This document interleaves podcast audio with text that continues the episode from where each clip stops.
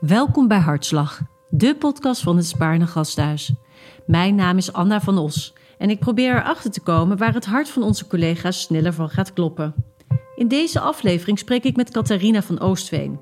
Catharina begon ooit als verpleegkundige, studeerde door en werkt alweer enige jaren in het Spaarne Gasthuis als verpleegkundig decaan en principal investigator. Ze spreekt zich uit over de tekorten aan verpleegkundigen, de schoonheid van het vak en hoe belangrijk het is dat verpleegkundigen aan tafel zitten om mee te denken over oplossingen in de zorg. Luister mee naar het verhaal van Catharina.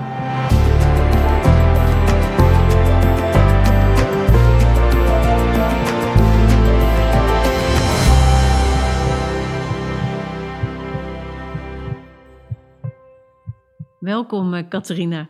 Je bent uh, verpleegkundig decaan, zoals ik al in de introductie zei. Je bent ook bestuurder bij de Beroepsvereniging voor Verpleegkundigen en Verzorgenden Nederland, VNVN. En je geeft les aan de Erasmus Universiteit. Tja, er is nog veel meer, maar we hebben afgesproken dat we het hierbij zouden laten. Daarom ook maar meteen mijn eerste vraag. Uh, we zitten in een periode dat we aan. dat we eigenlijk grote tekorten hebben aan verpleegkundigen. Wat is er eigenlijk aan de hand? Ja, wat is er aan de hand? Ja, ik, ik denk wat er aan de hand is, is echt wel een effect van. Um, nou, ik zou willen zeggen jarenlang neglect van, de, of, ja, van, van die verpleegkundige verwaarlozing. beroepsgroep. Verwaarlozing, inderdaad. Ja, ja. En um, ja, dat heeft denk ik wel verschillende oorzaken hoor. Maar um, ik denk hè, die, dat, dat die verpleegkundige beroepsgroep wordt vooral gezien als uitvoerend. En uh, dat heeft geleid tot een enorme verschraling uh, uh, van het vak. dus er is gewoon een hele grote groep verpleegkundigen die um, ja, vindt dat ze in een bazaal functionele praktijk werken. Um, onvoldoende worden uitgedaagd, hun competenties niet kunnen inzetten, wel hele hoge werklasten ervaren. Um, bevraagd worden op, om, om maar continu flexibel te zijn hè, en daar eigenlijk weinig voor terugkrijgen. Um, ja, die mensen zijn gewoon teleurgesteld en die, die, zijn het vak, ja, die hebben het vak verlaten. Ja, en um, ja, wij weten bijvoorbeeld ook van onze nieuw afgestudeerde HBO'ers dat uh, binnen twee jaar tijd 43% van die nieuw afgestudeerde HBO'ers uh, iets anders gaat doen. Jeetje. En soms wel in het verlengde hè, van hun verpleegkundig vak. Dan worden ze inderdaad docent of beleidsmedewerker. Maar ja, soms gaan ze ook echt, uh, echt gewoon iets heel anders doen. Dus we moeten er ook alles aan doen, denk ik, om onze huidige medewerkers wat dat betreft uh, te behouden. En ervoor te zorgen dat uh, de studenten die bij ons afstuderen, dat we die ook kunnen behouden. Ja. Dat, dat brengt me ook meteen tot de vraag van wat zijn, wat zijn de opgaven dan voor de toekomst als het gaat om het verpleegkundig vak? Nou ja, kijk, als je kijkt naar ontwikkelingen in de zorg, dan die, die zorgvraag die stijgt natuurlijk enorm. Hè? En um, um, als we dat ver doortrekken naar 2040, dan moet één op de twee uh, um, mensen in Nederland in de zorg gaan werken. Nou, dat is natuurlijk gewoon niet haalbaar. Dus wij moeten die zorg echt anders gaan organiseren. Dat betekent meer preventie, meer ziekenhuisverplaatste zorg, eigen regie van patiënten uh, bijvoorbeeld. Nou, dat zijn al drie hele grote dingen um, waar verpleegkundigen een, een, hele belangrijke rol uh, in hebben. Want verpleegkundigen zijn echte, ja, ik noem het wel eens, ja, echte kennisdragers. Weet je, die weten wat de behoeften zijn van zo'n patiënt. Die kennen dat zorgnetwerk, die weten waar ze wat moeten halen. Um, het zijn ook echte regisseurs. Ze zijn echt een beetje de spinnen in het web om al die zorg rondom die patiënt samen met familieleden uh, en samen met die patiënt natuurlijk uh, te organiseren. Um, het zijn ook nog eens professionals die, um, uh, um, die je heel goed kunt inzetten om bijvoorbeeld allerlei um, taken van medisch specialisten en dergelijke uh, over te laten nemen. Omdat we ook weten dat die geïntegreerde medische en verpleegkundige zorg, dat dat tot hele goede patiëntenuitkomsten leidt. De patiënten zijn daar heel tevreden over ook. En het is goedkoper, hè? want ik bedoel, stijgende zorgvraag moet je ook nog iets aan de kosten uh, doen. Um, dus ik, ik zie verpleegkundigen echt een beetje als de game changers of de zorgtransformators in, uh, in de, uh, de zorg. En uh, nou ja, als je dan in je achterhoofd die arbeidsmarkt tekorten hebt, ja, weet je, dan denk ik, um, er is zo'n grote slag te slaan. als wij ze niet weten te behouden, als we daar niet iets aan weten te doen, ja, dan hebben we gewoon, we hebben nu al een groot probleem, maar dan wordt het probleem straks alleen maar groter, want dan kunnen we die hele transformatie gewoon niet maken. En um, ik denk dat er ook wel echt iets, er is echt iets aan te doen. Eén, door goed werkgeverschap, hè, door je huidige uh, medewerkers, je huidige verpleegkundigen um, uh, te behouden. Hè, door ze um, groei- en ontwikkelmogelijkheden, ja, opleidingsontwikkelmogelijkheden te geven. Um, door ze uh, voldoende tijd en ruimte te geven om goede patiëntenzorg uh, te leveren. Want dat is waar ze echt heel enthousiast van, uh, van worden. Zorg dat ze bijvoorbeeld flexibel kunnen werken, dat ze een goed salaris hebben. Dus echt dat goede werkgeverschap. Um, wat ook even een simpel rekensommetje. Hè? Als wij een verpleegkundige verliezen omdat we geen goede werkgever zijn geweest, kost ons dat 35.000 euro. Een goed ingewerkte verpleegkundige kost dat. Aan kennisverlies, aan, aan alles wat je daarin hebt geïnvesteerd. Uh, dus, dus stel nou dat je, dat je jaarlijks 30 verpleegkundigen verliest omdat je, een, uh, dat je onvoldoende goed werkgeverschap hebt getoond, wat dat kost. En dat als je ze misschien een opleiding had aangeboden voor, nou ja, pak een beet, 1500 euro. Um, ja, wat het je oplevert. Hè? Dan denk ik, dan, dan maken we misschien niet altijd de goede keuzes. Dus ik denk dat, we daar, dat daar heel veel winst nog uh, uh, te pakken is. Um, en twee, ja, we leiden natuurlijk heel veel studenten op. Die moeten we zien te behouden. Want die opleidingen zitten vol met enthousiaste mensen. Um, maar die blijven enthousiast als wij ze een goed leerklimaat uh, bieden. En als wij een professionele, innovatieve organisatie zijn waar zij graag willen blijven werken. En wat doen wij daar als uh, Spaarne Gasthuis? Nou, ik denk dat we ons heel erg bewust zijn uh, van het feit dat we een goede werkgever uh, moeten zijn. En een goede opleiders, of goede opleidingsorganisatie ook, of leerorganisatie moeten zijn. Um, kijk, voor verpleegkundigen zijn er diverse trajecten gestart vanuit HR uh, ook. Pak het potentieel. Nou, zo zijn er meer van dat soort, soort interessante uh, projecten. Um, als verpleegkundig decaan hou ik me echt veel meer bezig met het opleiden. Dus we, we hebben een, um, een mooie visie geschreven. En daar staan een aantal uitgangspunten in. Dat heet toekomstbestendig en krachtig opleiden. En een van die uitgangspunten is dat we meer en anders willen opleiden. door innovatief op te leiden kunnen wij veel meer opleiden dan dat we tot nu toe doen. En um, dat kunnen we doen door op elke afdeling, zelfs op specialistische afdelingen, dus op acute specialistische afdelingen, bijvoorbeeld leerwerkplaatsen te, te starten, waar we bovenformatief mensen opleiden. Want um, Kun je dat uitleggen, hoe dat dan zo'n zo leerwerkplaats er dan uitziet? Nou ja, een leerwerkplaats wordt eigenlijk echt bemand door alleen maar studenten die ook elkaar begeleiden. Dus je hebt bijvoorbeeld een ratio van uh, één begeleider op, um, nou ja, twee of drie studenten bijvoorbeeld. Een beetje afhankelijk van of dat het nou initiële MBO-HBO um, uh, studenten zijn of dat dat beroeps- of volgopleidingen zijn. Hè. Dat, dat ligt natuurlijk wel anders.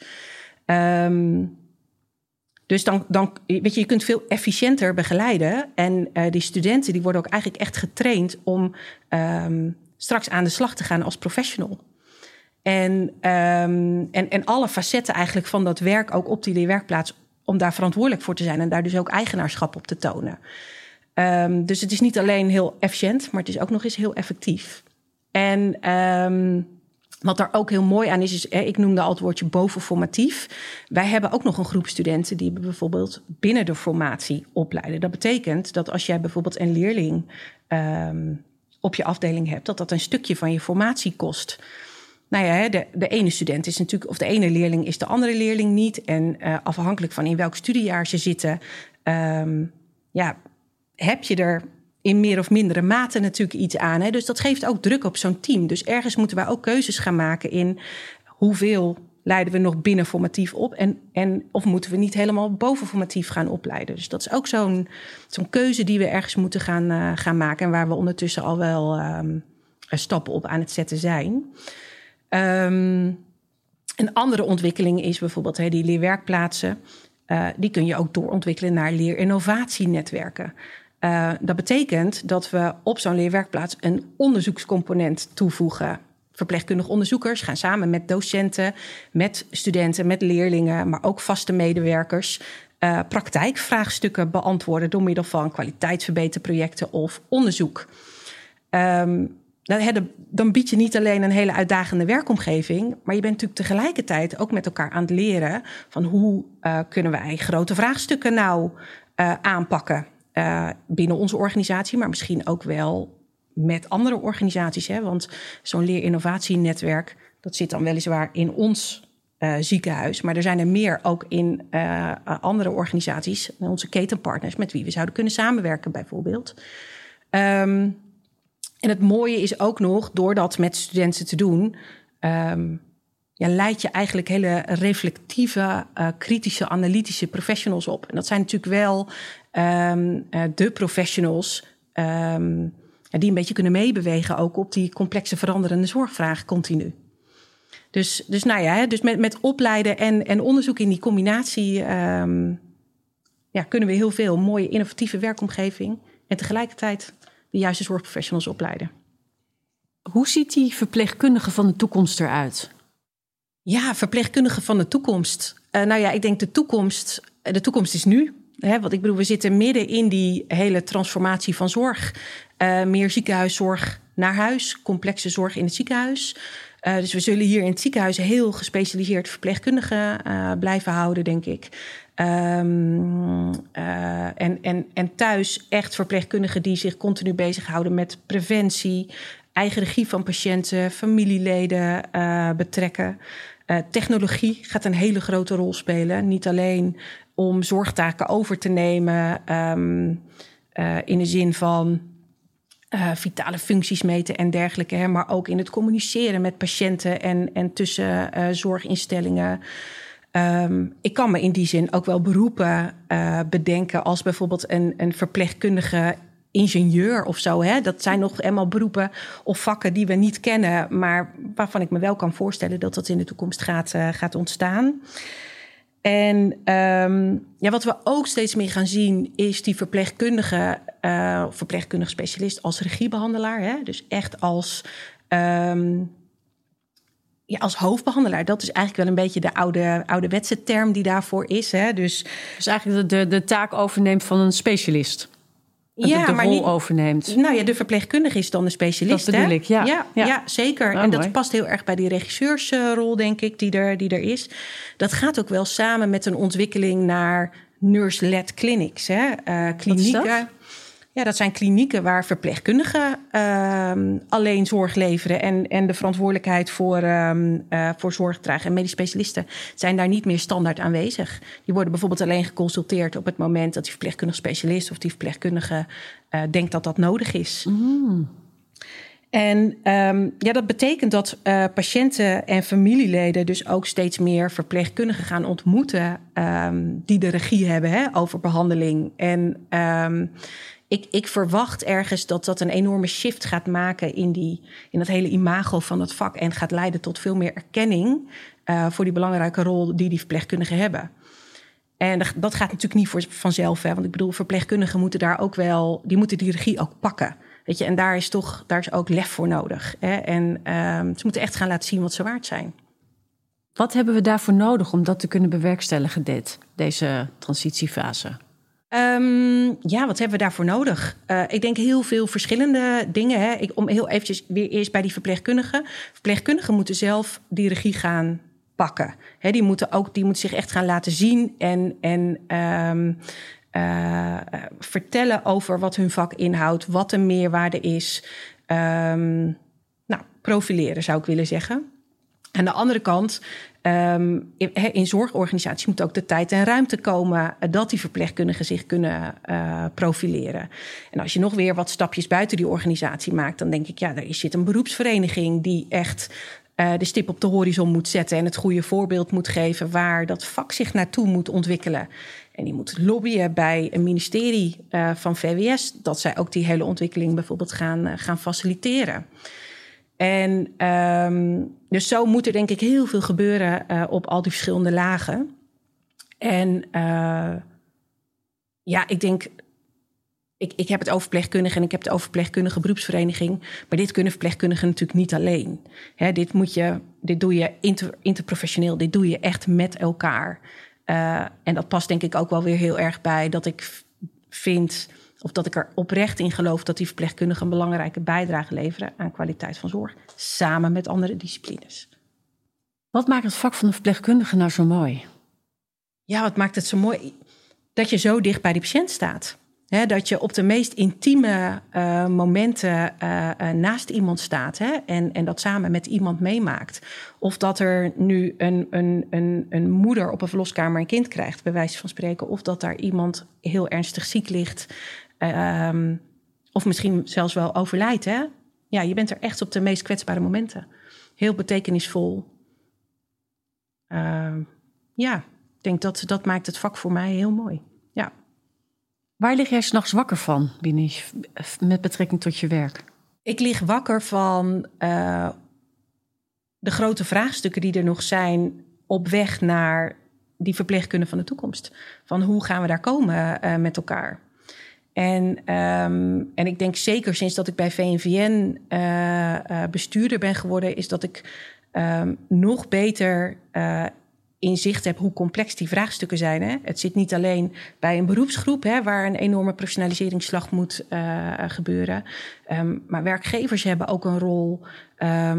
de overheid heeft een enorme rol. Vakbonden hebben een rol. Weet je, dat, dat hele speelveld is gewoon echt heel complex. En uh, om samen te kunnen schakelen, um, ja, daar, daar zijn ook gelijkwaardige posities voor nodig. Hè? En op het moment dat ik kijk naar die verpleegkundige beroepsgroep, dan hebben wij daar echt nog stappen op te zetten. En ik denk dat we heel goed op weg waren. We zitten aan alle belangrijke bestuurlijke tafels in Nederland. Um, maar we moeten daar nu met inhoud gaan zitten. Echt vanuit die vakinhoud. Um, ja, onze punten uh, kunnen maken. En, en dat kunnen we alleen maar als we dat ook met um, verpleegkundigen zelf gaan doen. En um, nou ja, we maken hele mooie stappen, maar we zijn daar nog niet. Waar word je heel blij van op dit moment?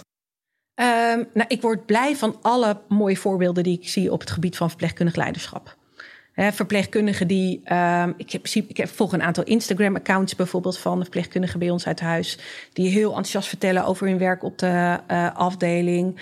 Uh, ik zie mooie kwaliteitsprojecten voorbij komen. Um, nou ja, het regienetwerk, uh, regieverpleegkundige netwerk heb ik natuurlijk al genoemd. Um, de Minerva-studenten die straks een mooie combifunctie van klinisch werk en academisch werk in de praktijk gaan uitvoeren. Verpleegkundig stafconvent, wat heel mooi aan het doorontwikkelen is. Um, ja, en landelijk gezien, daar zie ik ook gewoon heel veel aandacht voor verpleegkundigen. Ik denk dat, dat iedere werkgeversorganisatie um, uh, op dit moment zich bewust is dat er ontzettend veel geïnvesteerd moet worden in um, opleiden, ontwikkelen, zeggenschap, onderzoek. Ja, prachtig. Ik denk, ja, de kansen liggen er. en nu moeten we ze pakken. Nou, Catharina, dat lijkt me echt een prachtig uh, einde van, uh, van ons uh, gesprek. Dus ik wil je ontzettend bedanken. Jij ook bedankt.